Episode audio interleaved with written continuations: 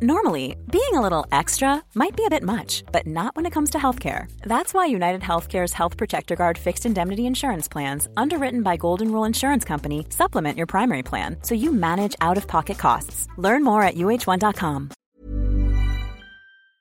Hej och välkomna till veckans samtal. Jag heter Kristoffer Triumf.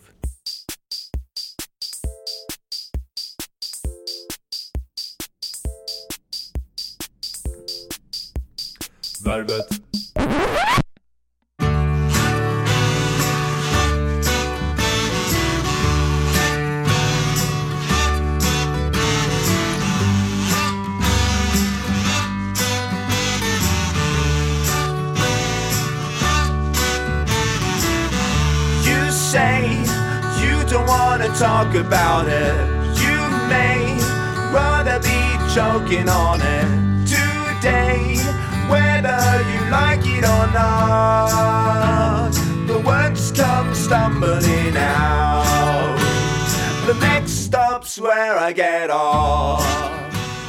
Hej och välkomna till ännu en fredag och ännu ett avsnitt av veckans samtal.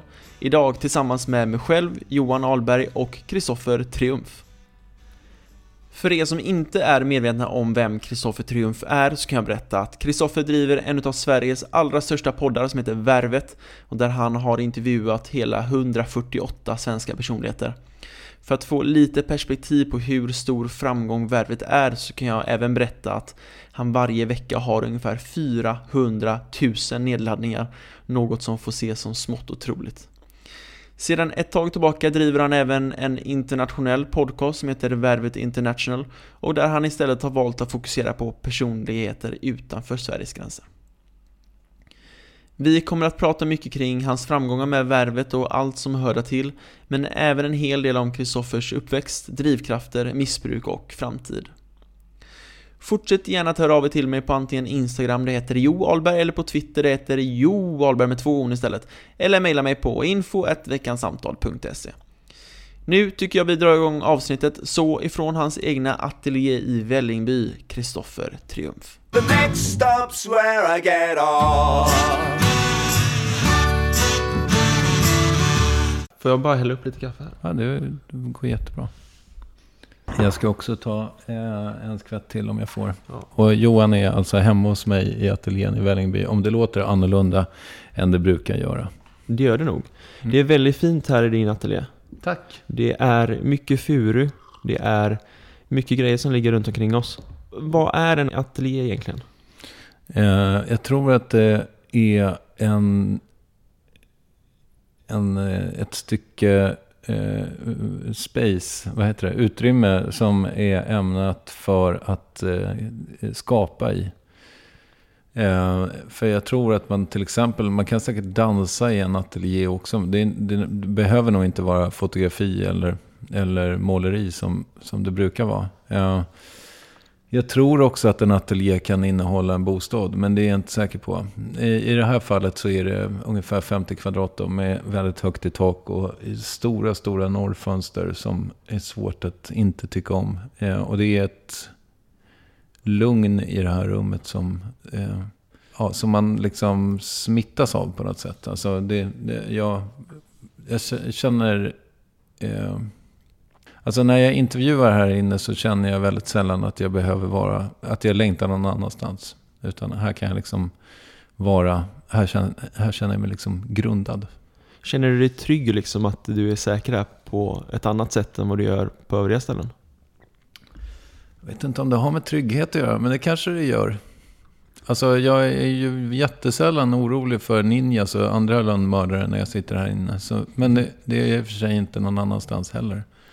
Eller väldigt sällan i alla fall. Det är möjligt om man sitter liksom på typ Teatergrillen eller någon sån där st- stimmig restaurang. Eh, Teatergrillen ligger i Stockholm. Eh, med ryggen mot dörren, det kan jag tycka är obehagligt. Men eh, eh, Men är det där du sitter när du intervjuar folk, där du sitter nu? här sitter jag, precis, här sitter jag alltid när jag sitter i det här rummet. Varför då? Eh, det, det blev så bara. Alltså det har väl med eh, feng shui att göra, antar jag. Jag sitter på samma plats i, i, på andra sidan väggen här. vilket dina lyssnare inte kan se. Men eh, så finns det ett matbord där jag eh, äter normalt två måltider om dagen. Och då sitter jag på samma plats vid bordet, alltså eh, fast ett annat bord. Men vad skulle hända om du skulle byta plats bara? Eh, det skulle säkert funka också, men jag vet inte varför jag skulle utsätta mig för det. Det är väl, alltså det är väl lite som att man... Eh, det är väl som en liten ritual man, man har liksom. Jag har kanske suttit någon annanstans när jag har blivit intervjuad. Nej, det har jag inte. Jag pratade med, eh, alltså Christian Lok intervjuade mig ju i Värvet en gång. Och eh, då ville han eventuellt sitta på min plats. Men sen så insåg han att det var bättre att jag kände mig trygg. Så då fick jag sitta här. Skönt för dig. Ja, Hur mår du annars, Kristoffer? då? känner mig lite nervös. Men eh, annars så mår jag bra tycker jag.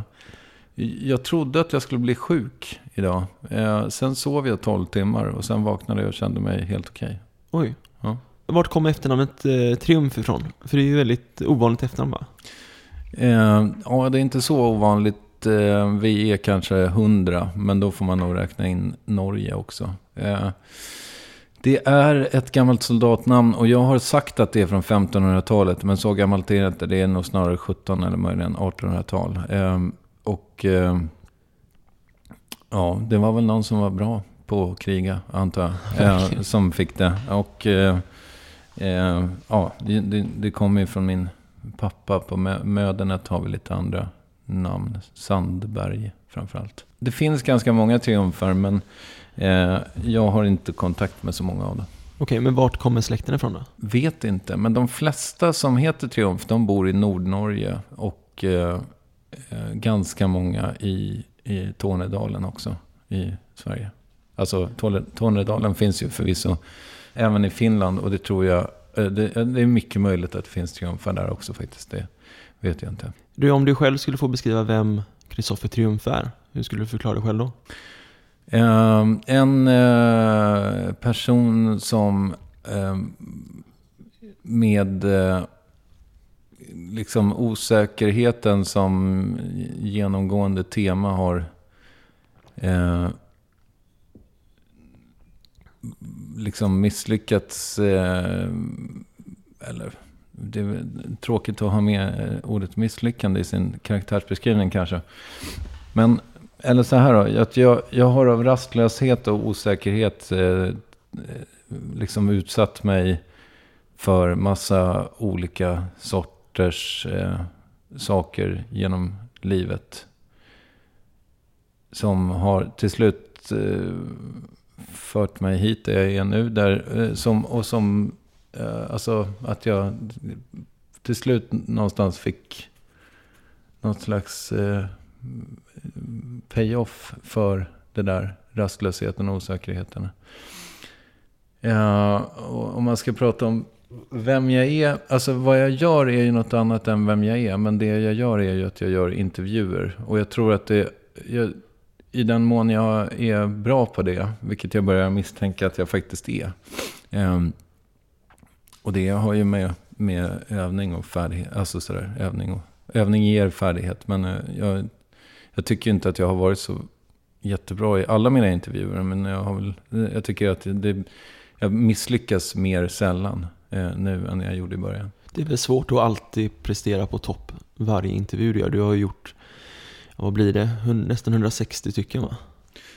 Ja, förmodligen fler. Alltså om man ser det i hela livet så har jag nog gjort eh, betydligt fler. Men, men eh, ja, nej men 160 kanske med de båda, in, alltså poddarna och eh, talkshow och eh, eh, kalkshow som jag gjorde i somras. Ah, ja, snarare 200. Jag vet inte, skitsamma.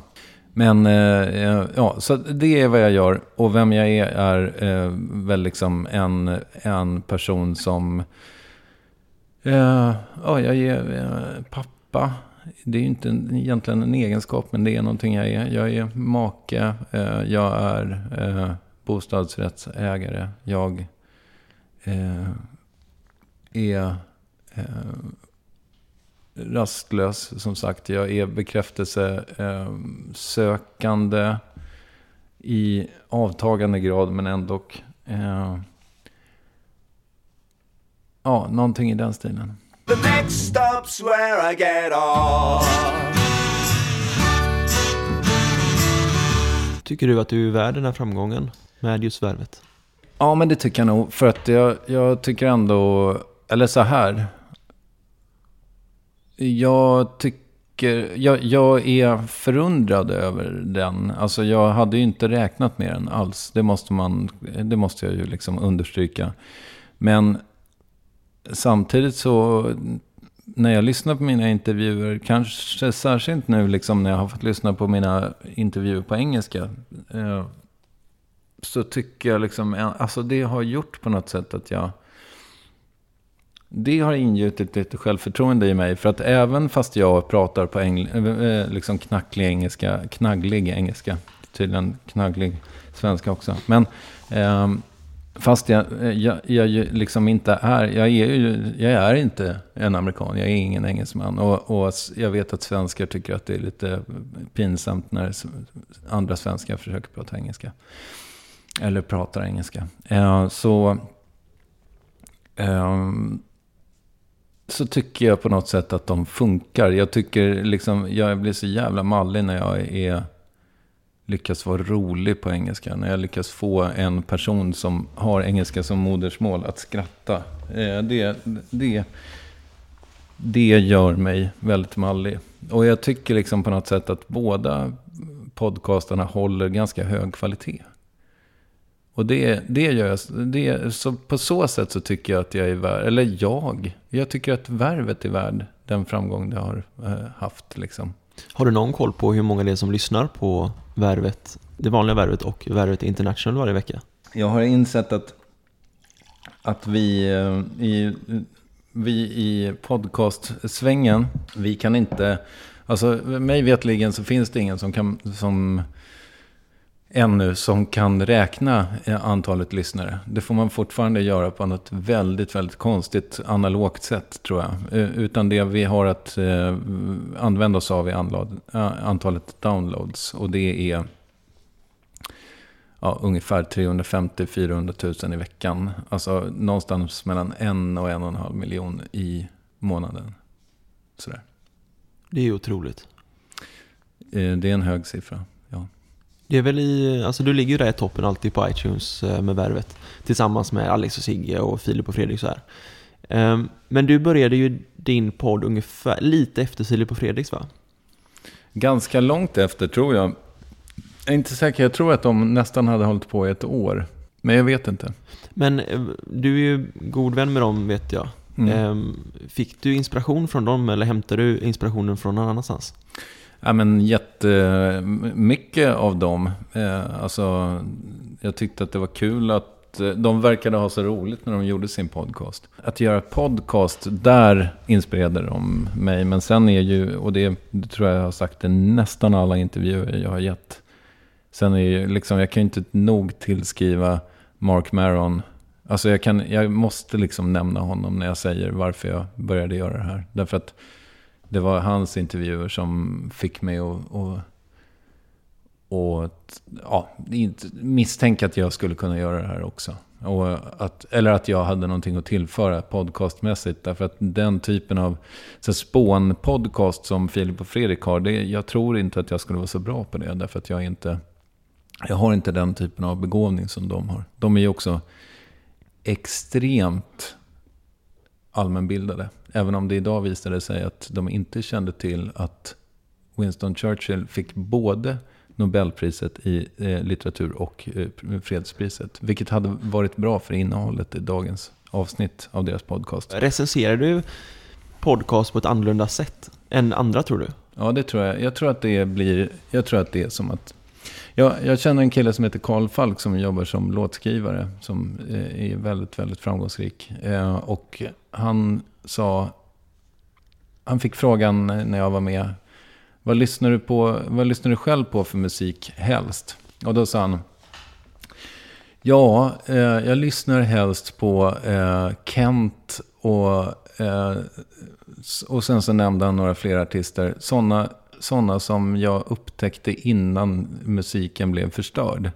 Det vill säga att när musiken för honom blev ett jobb, då började han lyssna på den på ett annat sätt. Och det där kan jag relatera till jättemycket. Och det gäller inte bara poddar utan liksom tv och radio också. Att man eh, börjar ifrågasätta klippning och eh, hur, hur sjutton kunde de låta det där gå igenom och varför tog de inte bort det där? Eller, ja, sådär. Så att man blir, eh, jag blir lite förstörd av det. Samtidigt så tycker jag ju att, jag menar, Sigge och Alex och Filip och Fredrik, jag tycker deras eh, poddar är jättebra. Eh, jag skulle så gärna vilja, eftersom jag är kraftigt jag tycker att det är väldigt viktigt med feminismen. Så skulle jag vilja säga en annan podcast också som eh, inte det är två gubbar som leder. Jag upptäckte ju Serial eh, som eh, leds av Sarah Koenig. Koenig. Koenig. Koenig. Ja, skitsamma. Den, eh, där lyssnade jag på första avsnittet och där hörde jag också två grejer som jag tyckte så här, men hur fan kunde de missa det där i redigeringen? Det är ju världens bästa podcastgäng som gör den. Så att, eh, det var ju lite, eh, ja, då, det kanske är lite hybris av mig att tycka att de inte redigerar den perfekt. Men det tyckte jag. Men jag tycker ju exempelvis att det skall vara lite skevt emellanåt. Att man skall känna det här att vi sitter här nu i, i ditt radhus i Vällingby, att det ska vara lite det här liksom rough. Mm. Tycker inte du det? Nej. Alltså inte, eller...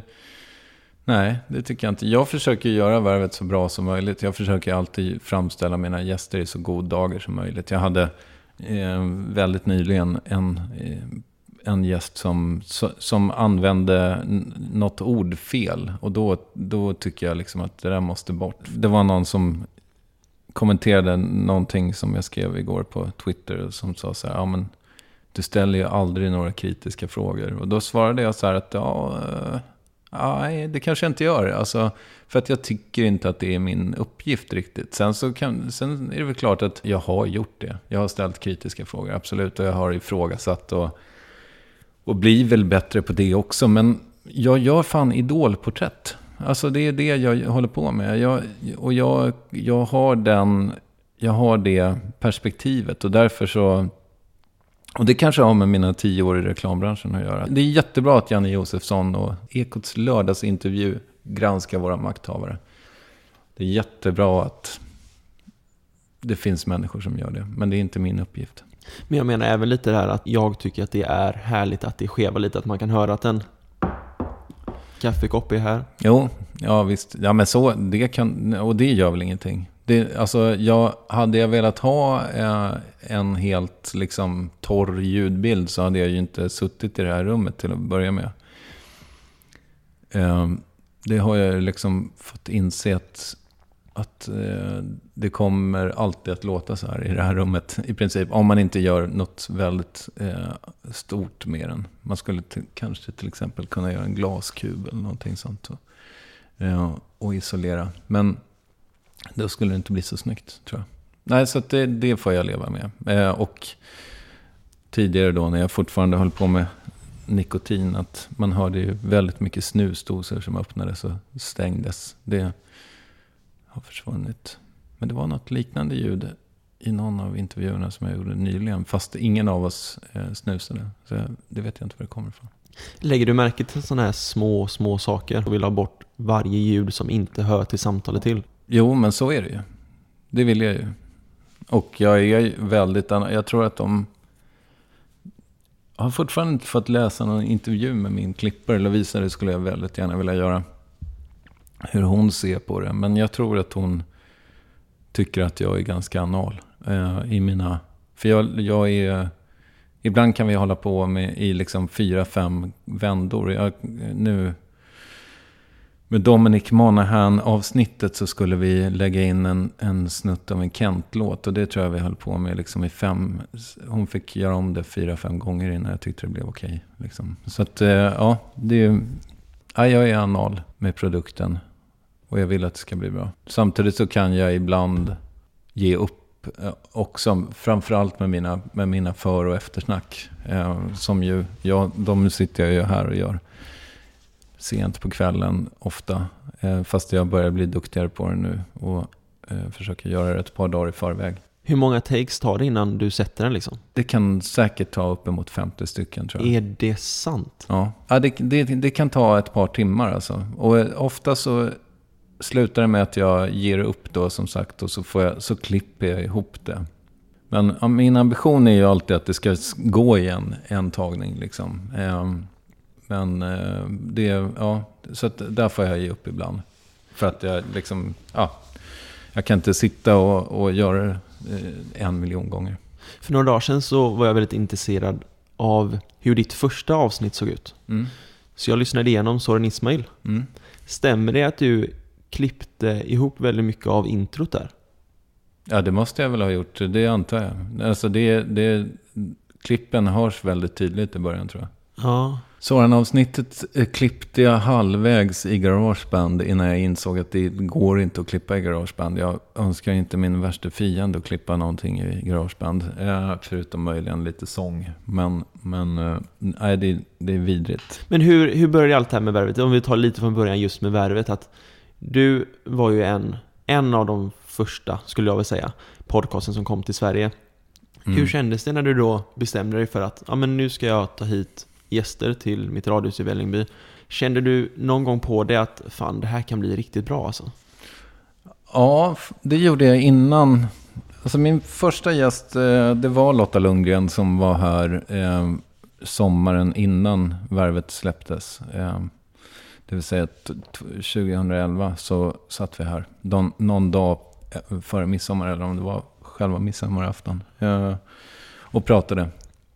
Um, och jag hade liksom skarvat ihop med utrustning och det var, så, ja, det var jävligt, det var jävligt råddigt och det lät väldigt dåligt om själva intervjun. Um, men jag märkte redan då att det, där, det här är någonting. Det, det finns någonting här. Men, och sen, och den, den intervjun går att läsa i, i Värvet-boken som ja, finns att köpa på internet. Eh, men den lät för dåligt för att eh, ge, ges ut. Eh, och... Eh, ehm, nej men så att jag visste, jag visste att det fanns någonting i intervjupodcasten. Liksom och att jag skulle kunna göra den. Eh, redan innan den kom ut. Men sen så... Eh, efter Lotta Lundgren-intervjun så blev jag lite... Så jobbade jag väldigt intensivt med Filip och Fredrik. Och sen så fick jag en, en något slags depression, vilket jag eh, får ibland. Särskilt på höst-vinter halvåret. Blivit bättre med åren dock, ska sägas. Men, ehm, och sen så, men och, av någon anledning så drog jag iväg ett mejl på vinst och förlust eh, i den där svackan till Mark Maron och frågade om jag kunde få intervjua honom. Och så fick jag det, om jag tog med mig fem doser av ett väldigt specifikt snus. Eh, och då, när jag kom till honom så ljög jag ju och sa att jag hade gjort liksom flera intervjuer, men att det, det, den ska lanseras snart i Sverige. Ehm, och, ehm, och då kände jag också i det, in- den, den intervjun gjorde jag ju med Ehm, och då trodde jag att värvet skulle hamna, handla om avundsjuka som drivkraft. Att den skulle, vara, den skulle heta typ Avundspodden eller någonting sånt. Ja. och sen så tog jag en lunch när jag kom hem till Sverige med Soran. Och så pratade vi om det. Och så frågade jag vad han trodde om den vinkeln. Och den, så tro, sa han att han tyckte att det lät som att det kanske blev lite, som liksom att man får en lite trång kostym. Och Men det- kände, kände ni varandra då?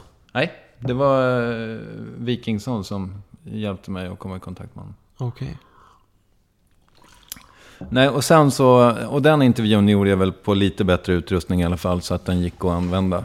Eh, men, eh, och jag kände det, alltså, sen, sen ska jag bara säga att jag vänder mig lite mot att jag var en av de första, för det fanns jättemånga podcasts tror jag. Det var bara det att det var väldigt få som hade slagit igenom. Jag hade ju en, ja, jag, jag var vilt eh, inspirerad av eh, en kille som heter Martin Degrell som hade en podcast som heter Arthur som jag tackade i 30 avsnitt för att jag fick sno en fråga av honom.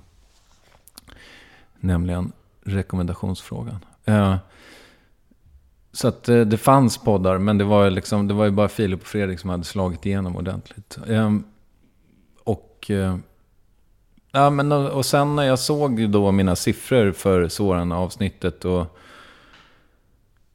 då insåg jag att det här... Ganska snabbt så insåg jag att det här kan bli bra. Liksom, inte att det skulle kunna bli mitt jobb eller så, men att det skulle... Eh, ja, att jag, att jag var tvungen att göra ett avsnitt två i alla fall efter såren. Hur fortsätter man därifrån då? För att jag kan också vara nöjd med det som jag har gjort, men du har ändå fått det till att bli ditt, ditt yrke. Mm. Och folk har liksom åkt ut hit till Vällingby, alltså alla möjliga sorters folk för att bli intervjuade av dig. Mm, det är ganska fett. Ja, så hur känns det? Det måste ju vara, alltså en, om du pratar om bekräftelse innan, det måste ju vara en bekräftelse som är liksom otrolig. Mm.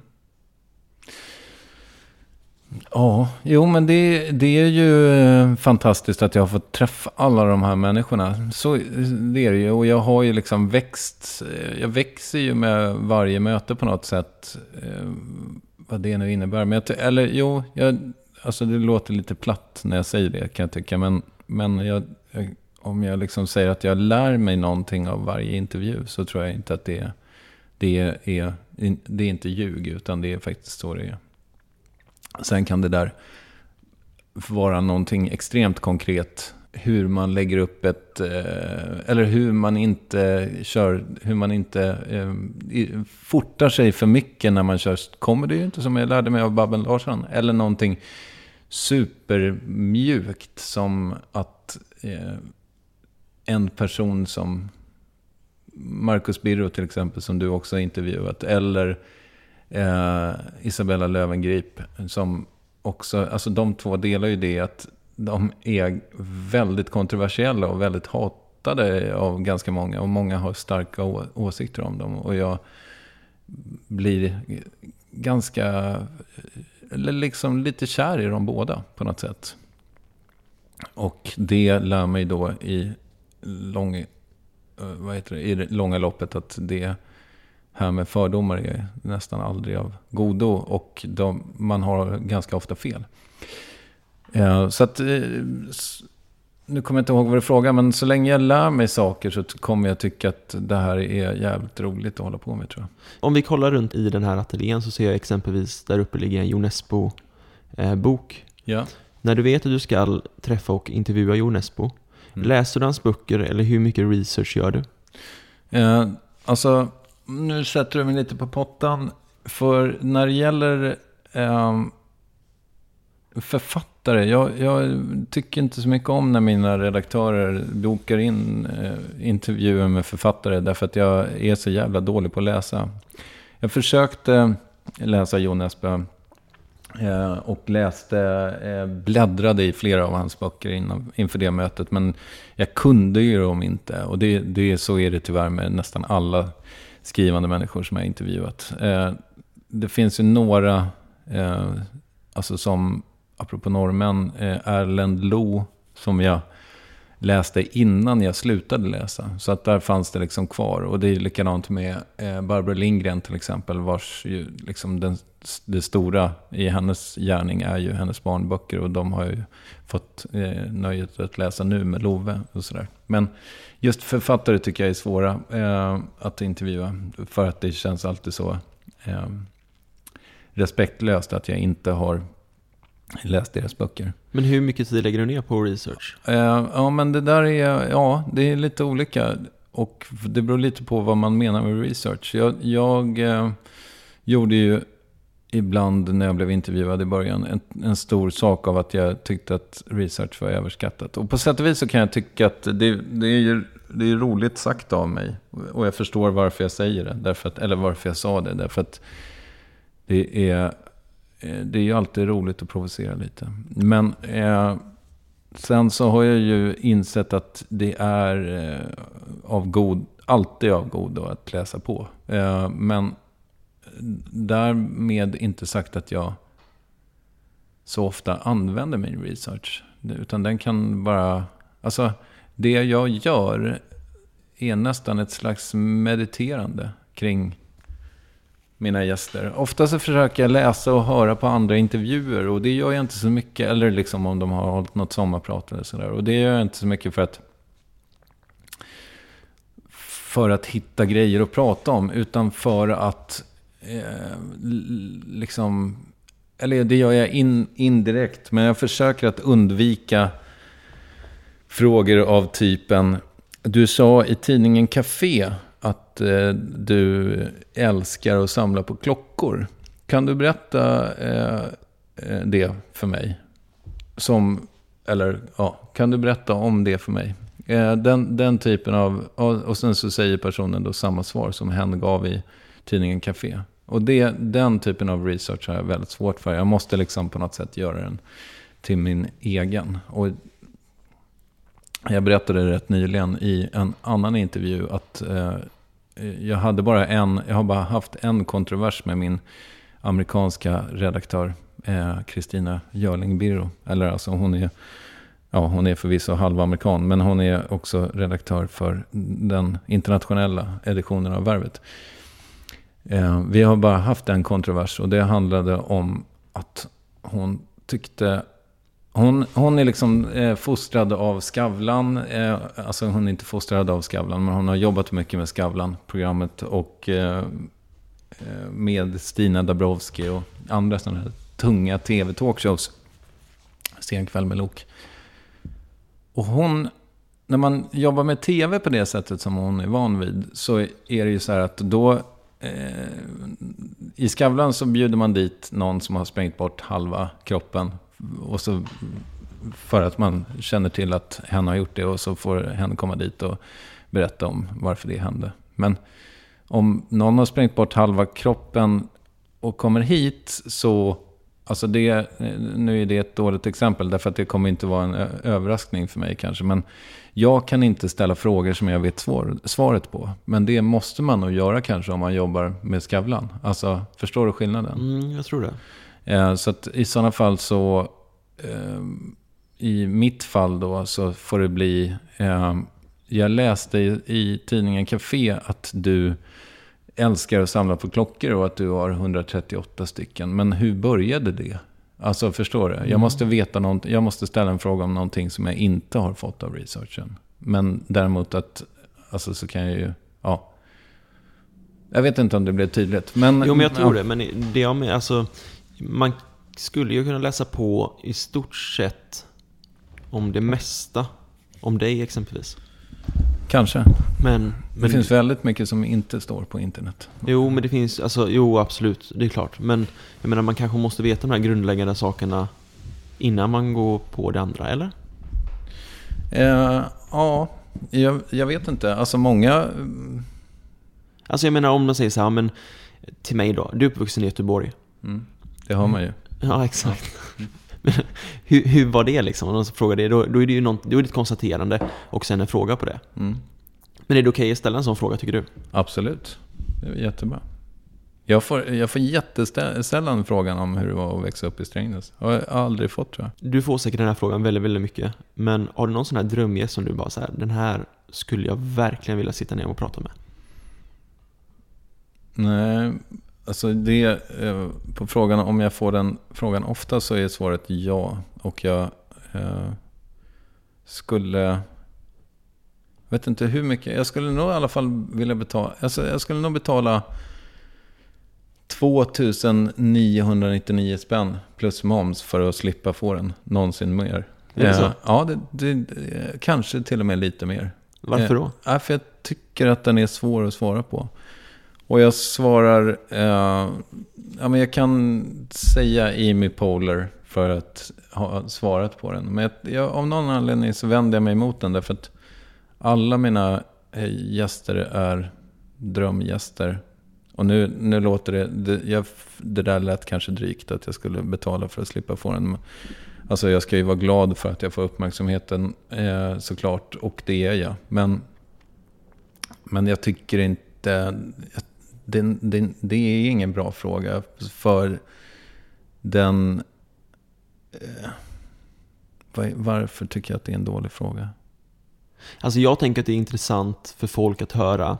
Är den slut? Är, det kanske är det att den är så sluten. Det finns bara ett svar. Jag ska, jag ska liksom ge ett namn. Ja, förmodligen. Eh, om, om du däremot hade frågat vilka kvaliteter har din drömgäst? Eller vilka, liksom, vad, vad, är det du, vad är det som definierar en bra Värvet-gäst? Kristoffer, Ja. vad är det som definierar en bra Värvet-gäst? Oh, eh, alltså den bästa Värvet-gästen skulle jag säga är... Vilken bra fråga för övrigt. Tack. Eh, eh, den bästa gä- Värvet-gästen är en person som många människor har en väldigt bestämd uppfattning om.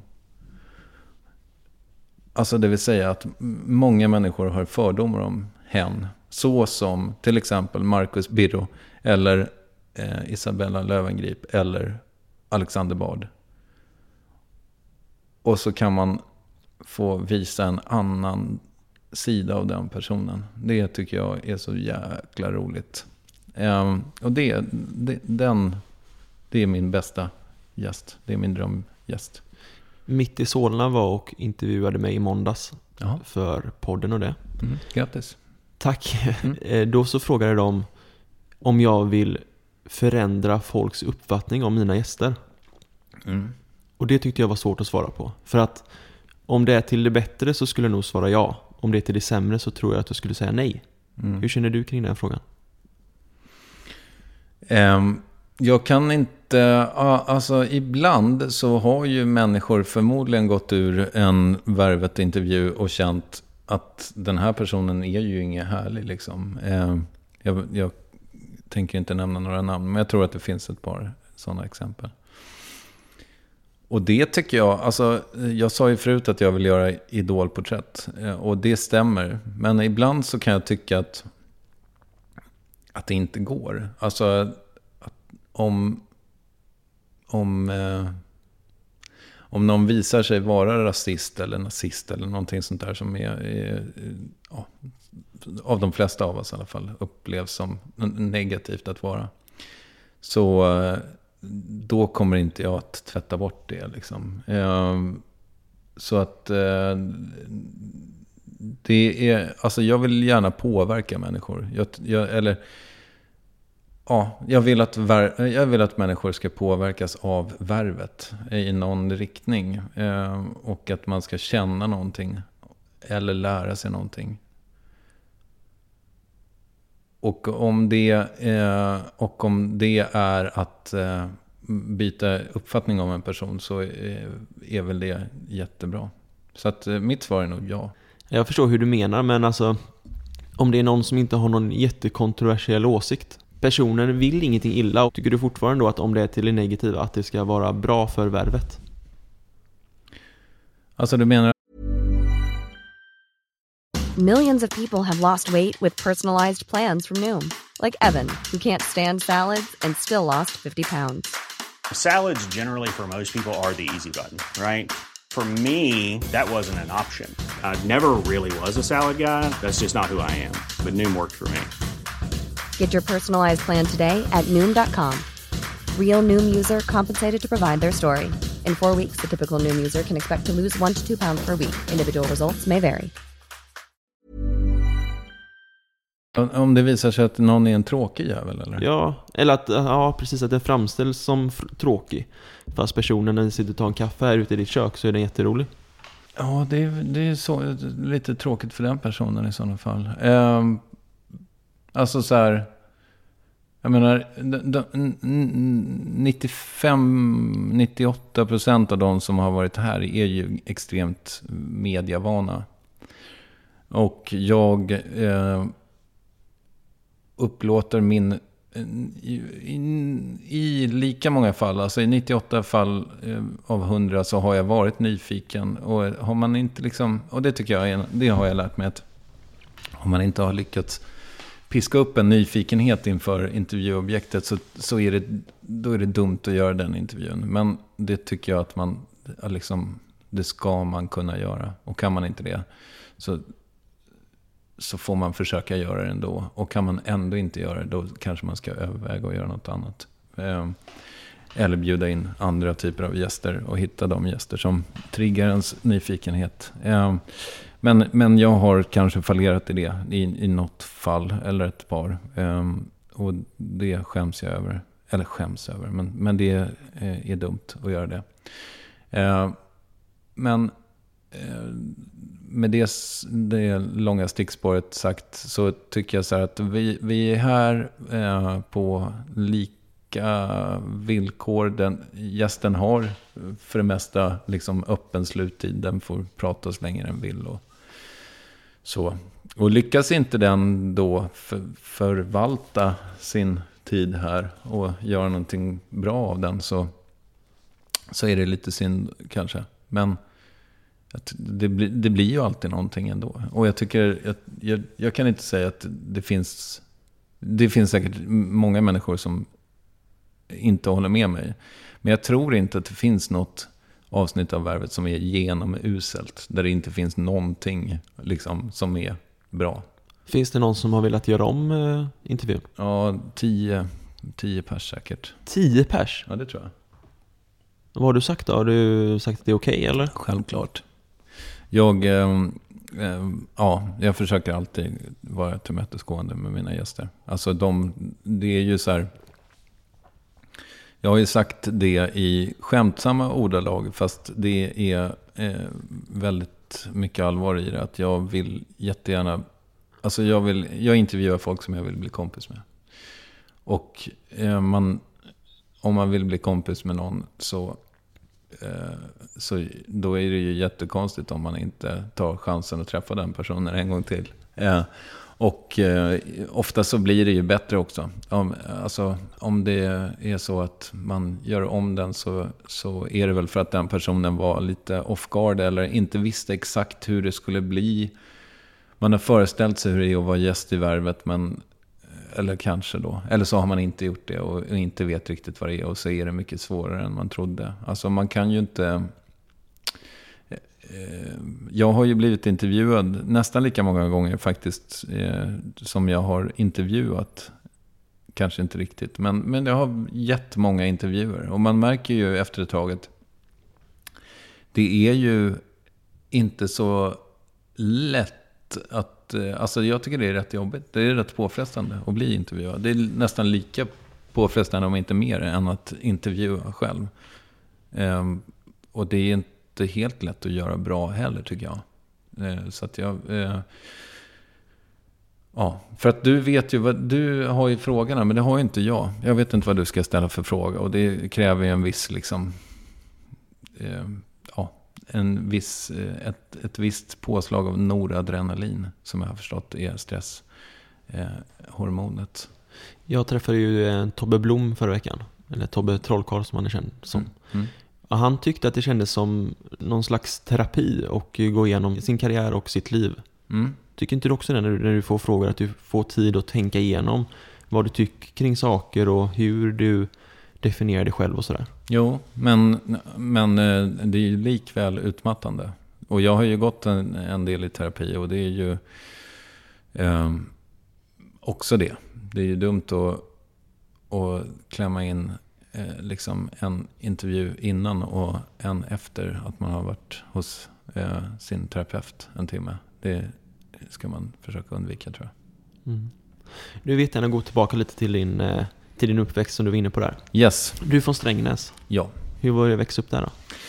Det var eh, sådär kan man väl säga. Alltså jag vet inte ifall det hade varit annorlunda ifall jag hade växt upp någon annanstans eh, i och för sig. För att jag var... Jag har, jag, jag har, har eh,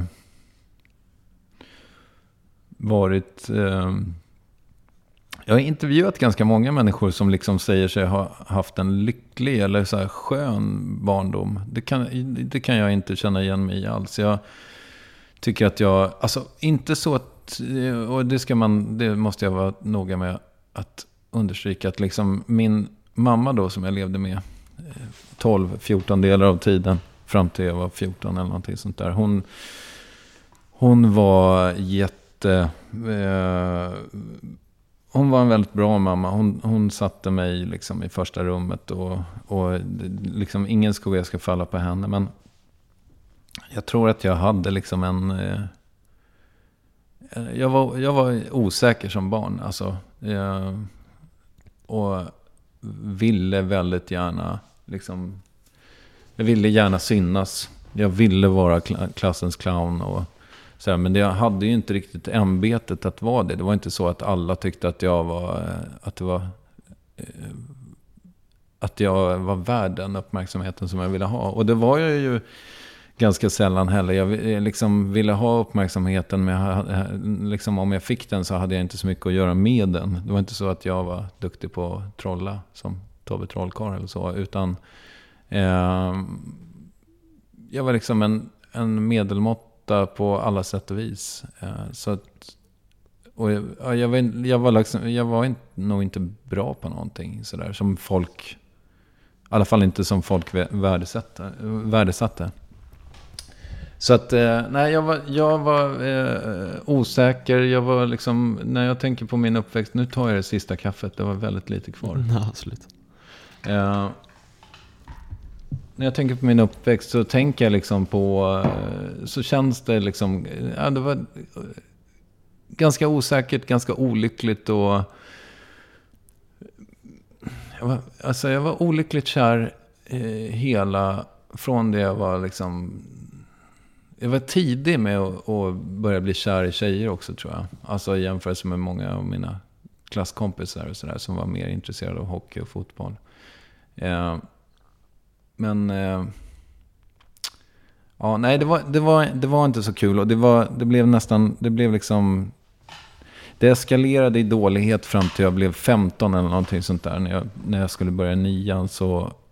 Eh, Om någon anledning så eh, fick jag känslan av att det här är den, alltså, på, det, då gick det äntligen in att jag skulle börja liksom gymnasiet och att jag var tvungen att, att visa framfötterna lite ifall det skulle bli någonting mer än där gymnasiegången. Så då, då liksom bokstavligen klippte jag mig och, eh, och skärpte till mig och eh, läste upp mina betyg under det där eh, läsåret. Slutade röka tror jag, började snusa istället i smyg. Ehm, Rökte du så tidigt? Ja, jag rökte jättetidigt. Jag började röka ja, när jag var 12 kanske, 11-12. Oj. Ehm, och, sen, eh, och sen så genomgick jag gymnasiet och var eh, ganska medelmåttig där också. Men, och sen så först när jag flyttade därifrån så tyckte jag väl att liksom då, då blommade jag verkligen ut. Och varför kunde jag inte göra det i Strängnäs då? Men jag alltså, vet faktiskt inte. om vi väntar lite där, eller håller lite. Om man skulle fråga dina klasskamrater som gick i samma klass med dig i Strängnäs, Mhm. skulle de säga likadant tror du? Eller tror du att de skulle upp, ha uppfattat dig på något annat sätt? Ah, jag, jag vet faktiskt inte. Jag har fått lite mail från en kille som jag tror jag gick i samma klass som. Eh, jag har ganska dimmiga minnen från min uppväxt också ska jag säga. Men, ehm, jag tror att han... eh, han har i och för sig bara egentligen pratat om att jag han, att han tycker att det, det är bra det jag gör. Men, och jag har i min tur pratat om honom. För att han, han var nämligen son till stans bilhandlare. Och eh, då har jag tagit upp honom som exempel om hur omedveten man var om klassbegreppet. Att det var liksom han som var coolast i plugget, i alla fall i min bok. Eh, och inte den som hade mest pengar. Eller liksom den vars pappa var överläkare eller så. Eh, utan det var bilhandlaren som var det coolaste att vara avkomma till. För då fick man åka Celica till jobbet. Eh, eh, hur som helst, eh, eller till plugget. Eh, var var jag någonstans? Nej, jag vet inte vad de skulle säga om mig. Jag tror att de också skulle säga att jag var en osäker jävel. Jag, jag fick inte, jag fick väldigt sällan vara med. Jag, jag var liksom jävligt, eller jag fick väl vara med fram till sexan kanske. Men sen så när de här jävla hormonerna satte in och jag var, jag var så jävla bångstyrig liksom i min...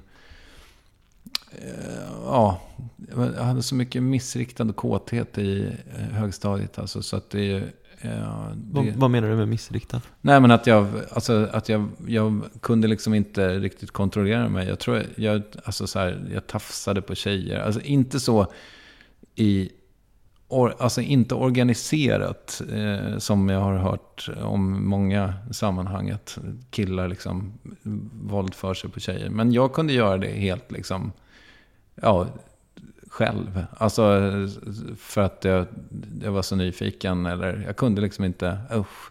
Ja, det där är pinsamt att prata om.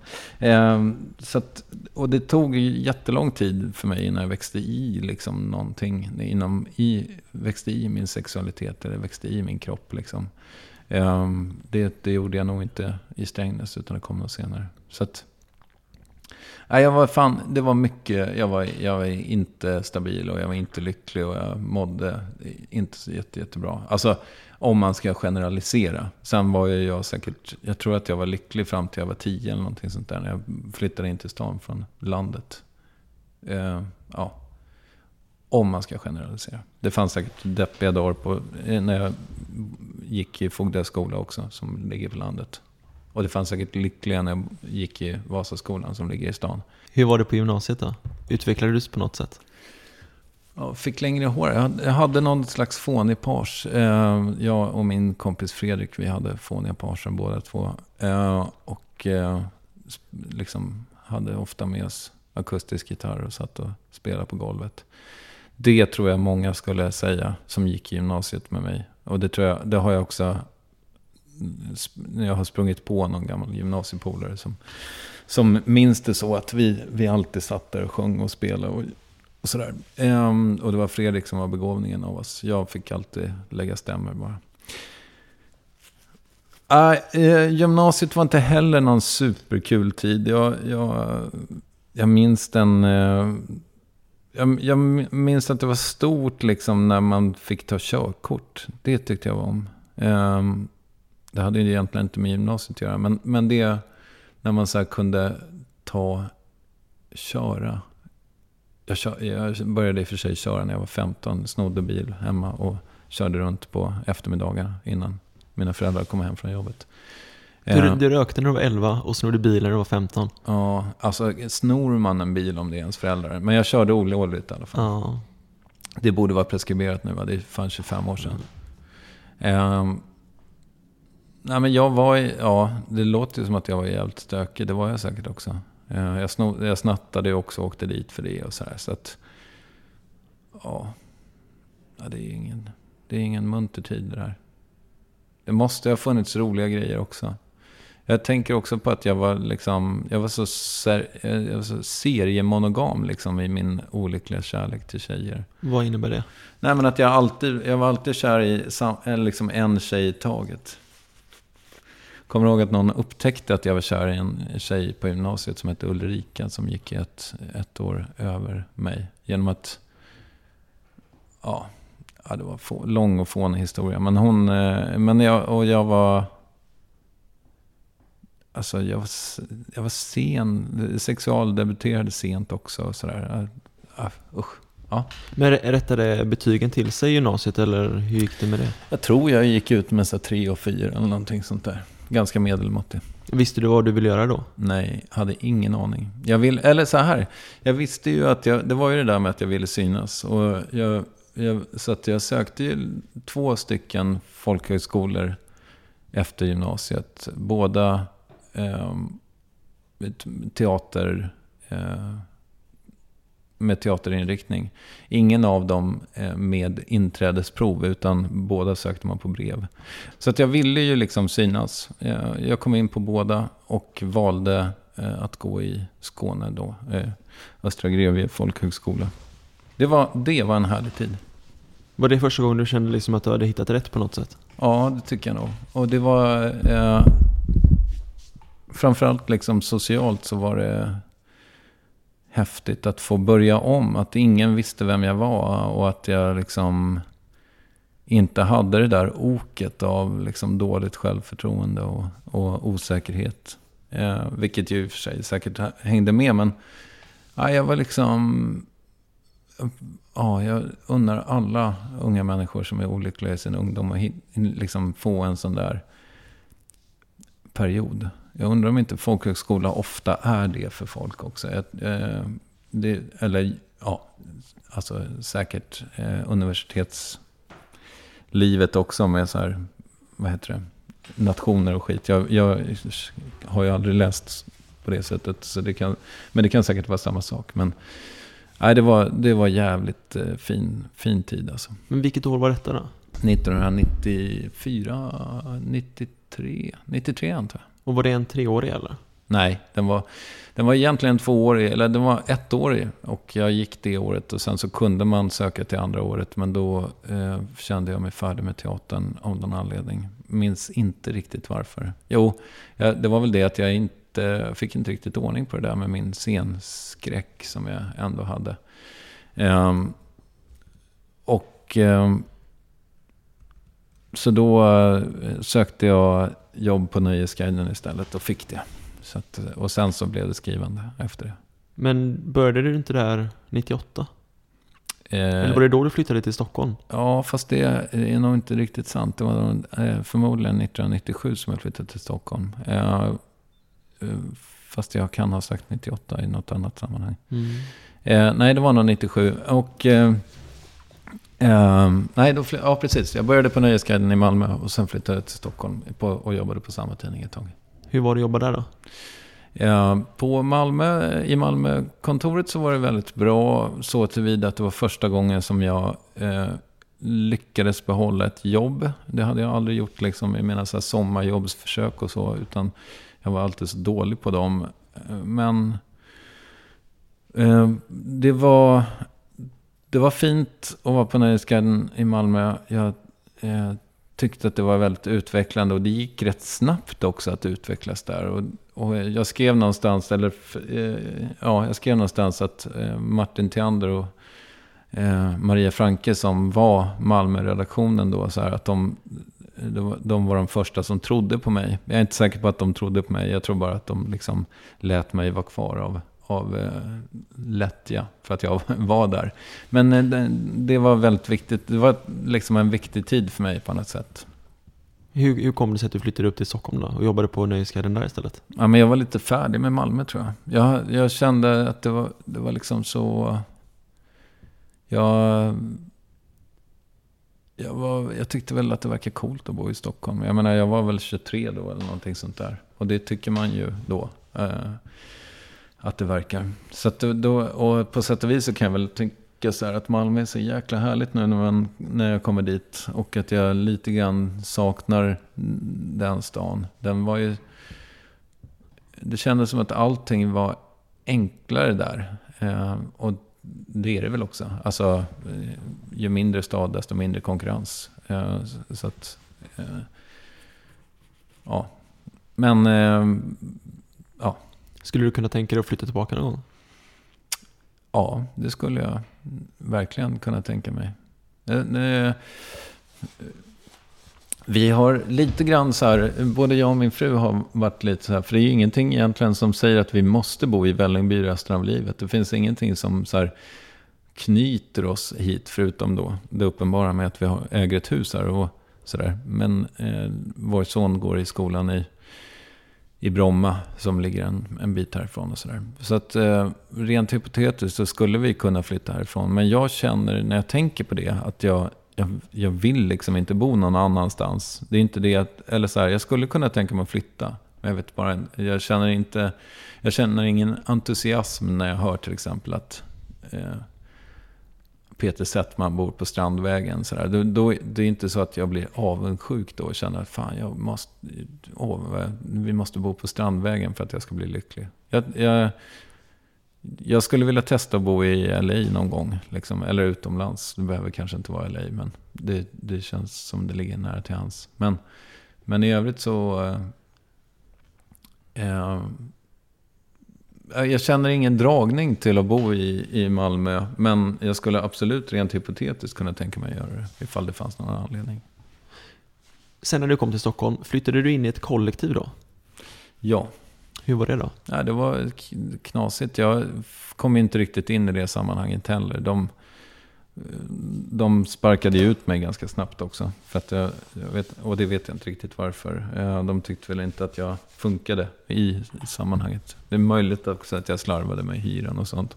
Tjänade, man tjänade väldigt lite pengar på Nöjesguiden. Så det byggde på att man antingen jobbade väldigt mycket eller gjorde någonting annat också. Och det gjorde inte jag. Så att, ja, jag vet faktiskt inte hur jag fick det att gå ihop rent ekonomiskt de där åren.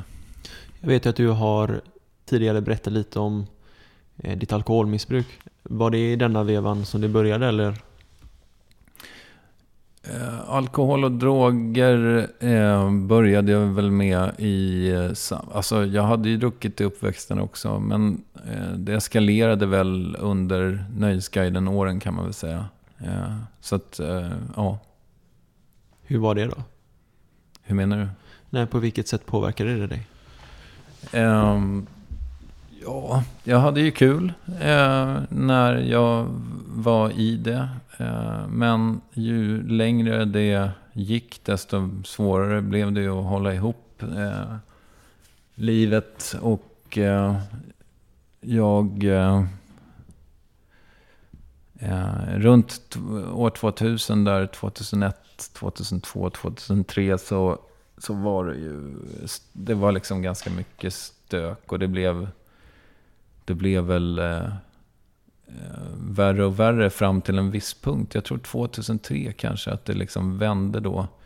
Jag hade ett ganska destruktivt, eller väldigt destruktivt förhållande med en kvinna som eh, kom från Australien som flyttade hem igen eh, till sitt hemland. Och då efter det så började det ordna upp sig lite grann. Jag fick liksom ett par jobb i samma veva där. Och eh, som, alltså riktiga jobb, inte så här någon konstig prao-grej. Utan eh, jag började tjäna lite pengar och sen så fyllde jag 30. Så köp, jag kommer ihåg att jag köpte en bil och sådär. Och, så, och i maj 2004 så bestämde jag mig för att sluta med alkohol och droger. Så då gjorde jag det. Och hur gick det då? Bra, tack. Inget återfall? Nej, so far so good. Vad skönt. Mm. Kan man se tillbaka på den tiden och romantisera någonting eller är det bara svärta? Alltså, det finns väl, det finns ju aspekter av, eh, av eh, alltså, man, man börjar ju inte med alkohol och droger för att eh, Alltså det gör, man, man börjar ju med det för att det är kul. Liksom. Och sen så vid en viss punkt så slutar det vara roligt eller blir det mindre roligt. Och till slut så är det väl liksom ett normaltillstånd eh, som, ja, som, man inte, som inte gör en så lycklig. Så att eh, jag... Eh, vad fan var frågan förresten? Förlåt. Om du kan romantisera den tiden på något jo, sätt? men det kan jag absolut göra. Jag, hade ju, jag, jag har haft väldigt roligt och det hände massa eh, tokiga grejer liksom, som, som på många sätt var, var kul. Så att... Eh, eh, absolut. Efter det så slutade du på Nöjesguiden och jobbade som copywriter va? Mm. Hur var det då? Ja, det var en lång kamp för att bli, eh, för att slippa gå på bergs kan man säga. De första åren. Så eh, de, alla riktiga copywriters i Sverige, de har gått på bergs. Eller möjligen på någon annan skola som jag min, inte minns namnet på. Men jag, jag eh, gjorde inte det och jag, jag ville av någon anledning inte göra det. Så att jag hade väldigt konstiga arbetsprover. Jag hade så här små roliga notiser och skit från Nöjesguiden som jag hade skrivit. Som jag gick runt med som liksom en, en, en eh, någon som jobbar på en reklambyrå och inte fattar hur man ska läsa ut, liksom, hur kan man omsätta det här till reklam. Så det var väldigt, det var, det var en, det var en rätt svår transition liksom. Och sen så blev det ju mest att jag gjorde såna, den typen av jobb som låg ganska nära journalistiken. Liksom. Men, eh, och eh, jag kan väl säga, om man ska då summera så kan man väl säga att det, de tio åren som jag la på reklambranschen, det, alltså så här, om jag fick leva om mitt liv så hade det nog inte blivit så många som det blev. Eh, för att eller att jag bara hade bitit i det sura äpplet och gått och bergs. Men då tror jag i och för sig att då hade jag nog kanske inte suttit här nu. Utan då hade jag nog gjort något annat. Eh, men eh, ja, det var, det, var, det var liksom lite tufft att inte vara skolad. Och jag, jag blev liksom aldrig en riktig copywriter riktigt. Utan jag var alltid lite, inte paria, men jag, var liksom, jag kom från ett annat håll. Och det, jag fick det aldrig riktigt att funka. Var det därför du började jobba med tv sen med Filip och Fredrik istället eller? Ja, det var väl framförallt för att de frågade. Jag hade, och det var ju liksom... Det var ju... En del som jag inte prat, har pratat om så mycket, det är ju att jag liksom har... Alltså Värvet var ju, är ju en av kanske 20 eller 30 eller 40 så här, typ affärsidéer inom citationstecken som jag har eh, som jag har liksom tänkt på och som jag har funderat på ifall man skulle sjösätta. En annan idé, en annan av de idéerna var ett, ett programförslag som jag skrev för, för Filip och Fredrik. Som var ett eh, nyhetsprogram som skulle heta Filip och Fredrik läser tidningen. Som är ganska basically vad det låter som. Och som jag hade tänkt skulle gå på radio. Men det visade sig att det var svårt att, att få göra radio. Även för Filip och Fredrik. Eh, eller sådär, de hade ju väl ingen... Ja, skitsamma. Så det ble, blev ingenting. Men sen så ringde Fredrik Wikingsson några år senare och frågade ifall jag ville bli redaktör för deras eh, program Breaking News. Som på sätt och vis skulle bygga på min idé.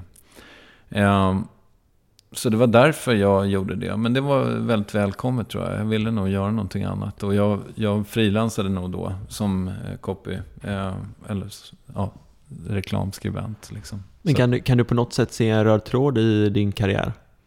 Ja, det kan jag göra. Jag kan, eh, jag kan se flera. Men del, alltså dels att jag har tenderat att ge upp innan det har blivit riktigt bra. Och det har varit, så har det varit med eh, tiden på Nöjesguiden blev aldrig riktigt bra som skribent där. Och jag blev, inte, jag blev verkligen ingen bra skivrecensent. Det borde jag kanske ha skitit i överhuvudtaget. Och, och göra. Men jag hade liksom någon bild av, alltså det var ju det man, skivrecensent var ju det coolaste man kunde jobba som på 90-talet. Det var liksom nästan, alltså det var ju coolare än att vara president.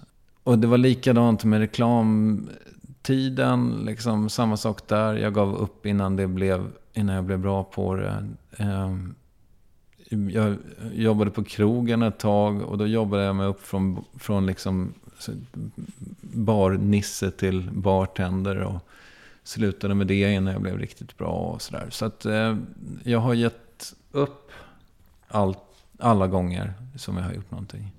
Eh, kan man säga. Så det är en röd tråd. En annan röd tråd är också att jag eh, alltid har varit just eh, ja, men relativt medelmåttig ändå. Liksom. Sen har väl allt det där lett fram till att jag gör värvet idag, vilket ju är jättekul. Eh, där jag inte tycker att jag är medelmåttig, där jag tycker att jag tillhör det absoluta toppskiktet. Eh, i, ja, men jag tycker faktiskt att jag, jag, jag gör det. Jag tycker Värvet är en jättefin podcast som jag är väldigt stolt över. Och jag tycker att det är rimligt också att den, att det går så, alltså att den ligger där uppe i toppen. Därför att det är en av de mer välproducerade poddarna som jag har hört. Eh, inte minst Värvet International. Ja, skitsamma. Så att eh, det är väl, så, så kan man väl säga. Vad har du för eh, planer med Värvet och Värvet International lång, på lång sikt? Eh, jag vet att jag kommer att göra eh, båda en bit in i nästa år i alla fall. För att eh, jag har sagt att, eller jag har tänkt, eh, jag har kanske inte sagt det. Men jag har tänkt att jag ska ge eh, International 52 avsnitt innan jag lägger ner det. Och så och förhoppningsvis inte lägger ner det. Men jag, min förhoppning är ju att den ska lyfta utomlands också. Den är ju till, alltså, hittills så är ju lyssningen allra störst i Sverige av naturliga skäl. Men min förhoppning är att den ska eh, liksom, få vingar och lyfta. Eh, så att den vet jag att jag ska göra in då någonstans i nästa höst, 2015. Och när det gäller värvet så vet jag inte riktigt. Men jag har ju märkt nu att jag mäktar med att göra två avsnitt i veckan. Så att det kommer jag förhoppningsvis att, att orka fortsätta med. Men sen, sen tänker jag att någonstans, någon gång, ska jag väl en av podd, poddarna få gå ner i periodicitet. Eller att, man, alltså, att jag inte jobbar så hårt eller så, så mycket. Ja. Men, ja. Eller att, ja, vi får se helt enkelt. Är det någonting som jag inte har frågat dig som du trodde att jag ville prata med dig om, Kristoffer? Eh, jag kan väl säga så här att när det gäller eh, ens eh, drivkrafter så tror jag att jag eh, har eh, ändrat lite fokus där. Att jag, jag, om, för ibland så ställer jag frågan om folk skulle göra det de gjorde ifall de var på en öde och in, utan liksom utan möjlighet att komma därifrån och att de liksom kommer dö där. Och jag tror att jag, om jag nu hamnade på en öde ö eh, med, med massa gäster, eh, vilket ju är lite orent, för då hade det inte varit en öde ö. Men eh, skitsamma, om det hade funnits podcastutrustning och, och sådär, så tror jag att de, för två år sedan, när jag, eller två och ett halvt år sedan, när jag drog igång det här så hade jag svarat att jag absolut inte skulle göra det ifall ingen fick lyssna på dem. Men nu tror jag faktiskt att jag verkligen skulle göra det ändå. Liksom, för att eh, jag har märkt att det lär mig otroligt mycket att få prata med människor. Och, eh, så att, ja. Och jag, jag, eftersom jag själv, jag är ganska så här, jag lever lite grann i en bubbla.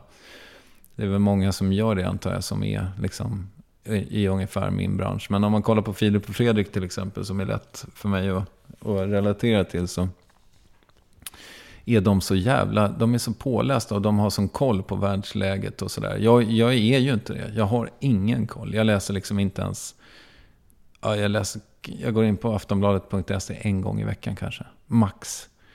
Så att, I och för sig, jag lyssnar mycket på P1 ska jag säga. Så att jag får liksom lite, det, det, någonstans så vet jag ungefär vad is är.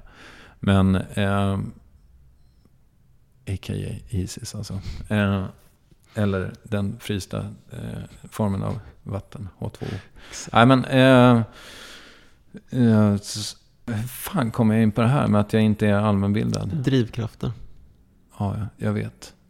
Eh, ja, jag behöver nog äta någonting, för jag kommer inte ihåg det här. Jo, men i alla fall, jo, just det. Att det är genom att prata med folk som jag lär mig saker. Så. Då måste det kännas som att du hittat rätt ändå. Exakt. Tack för att du kom då. Tack själv. Jättetack Kristoffer för att du tog dig tiden till mig. Ja, det var det lilla.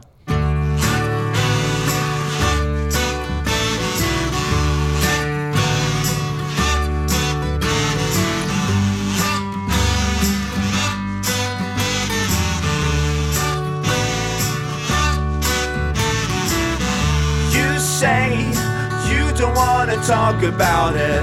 You may rather be choking on it today, whether you like it or not. The words come stumbling out. The next stop's where I get off.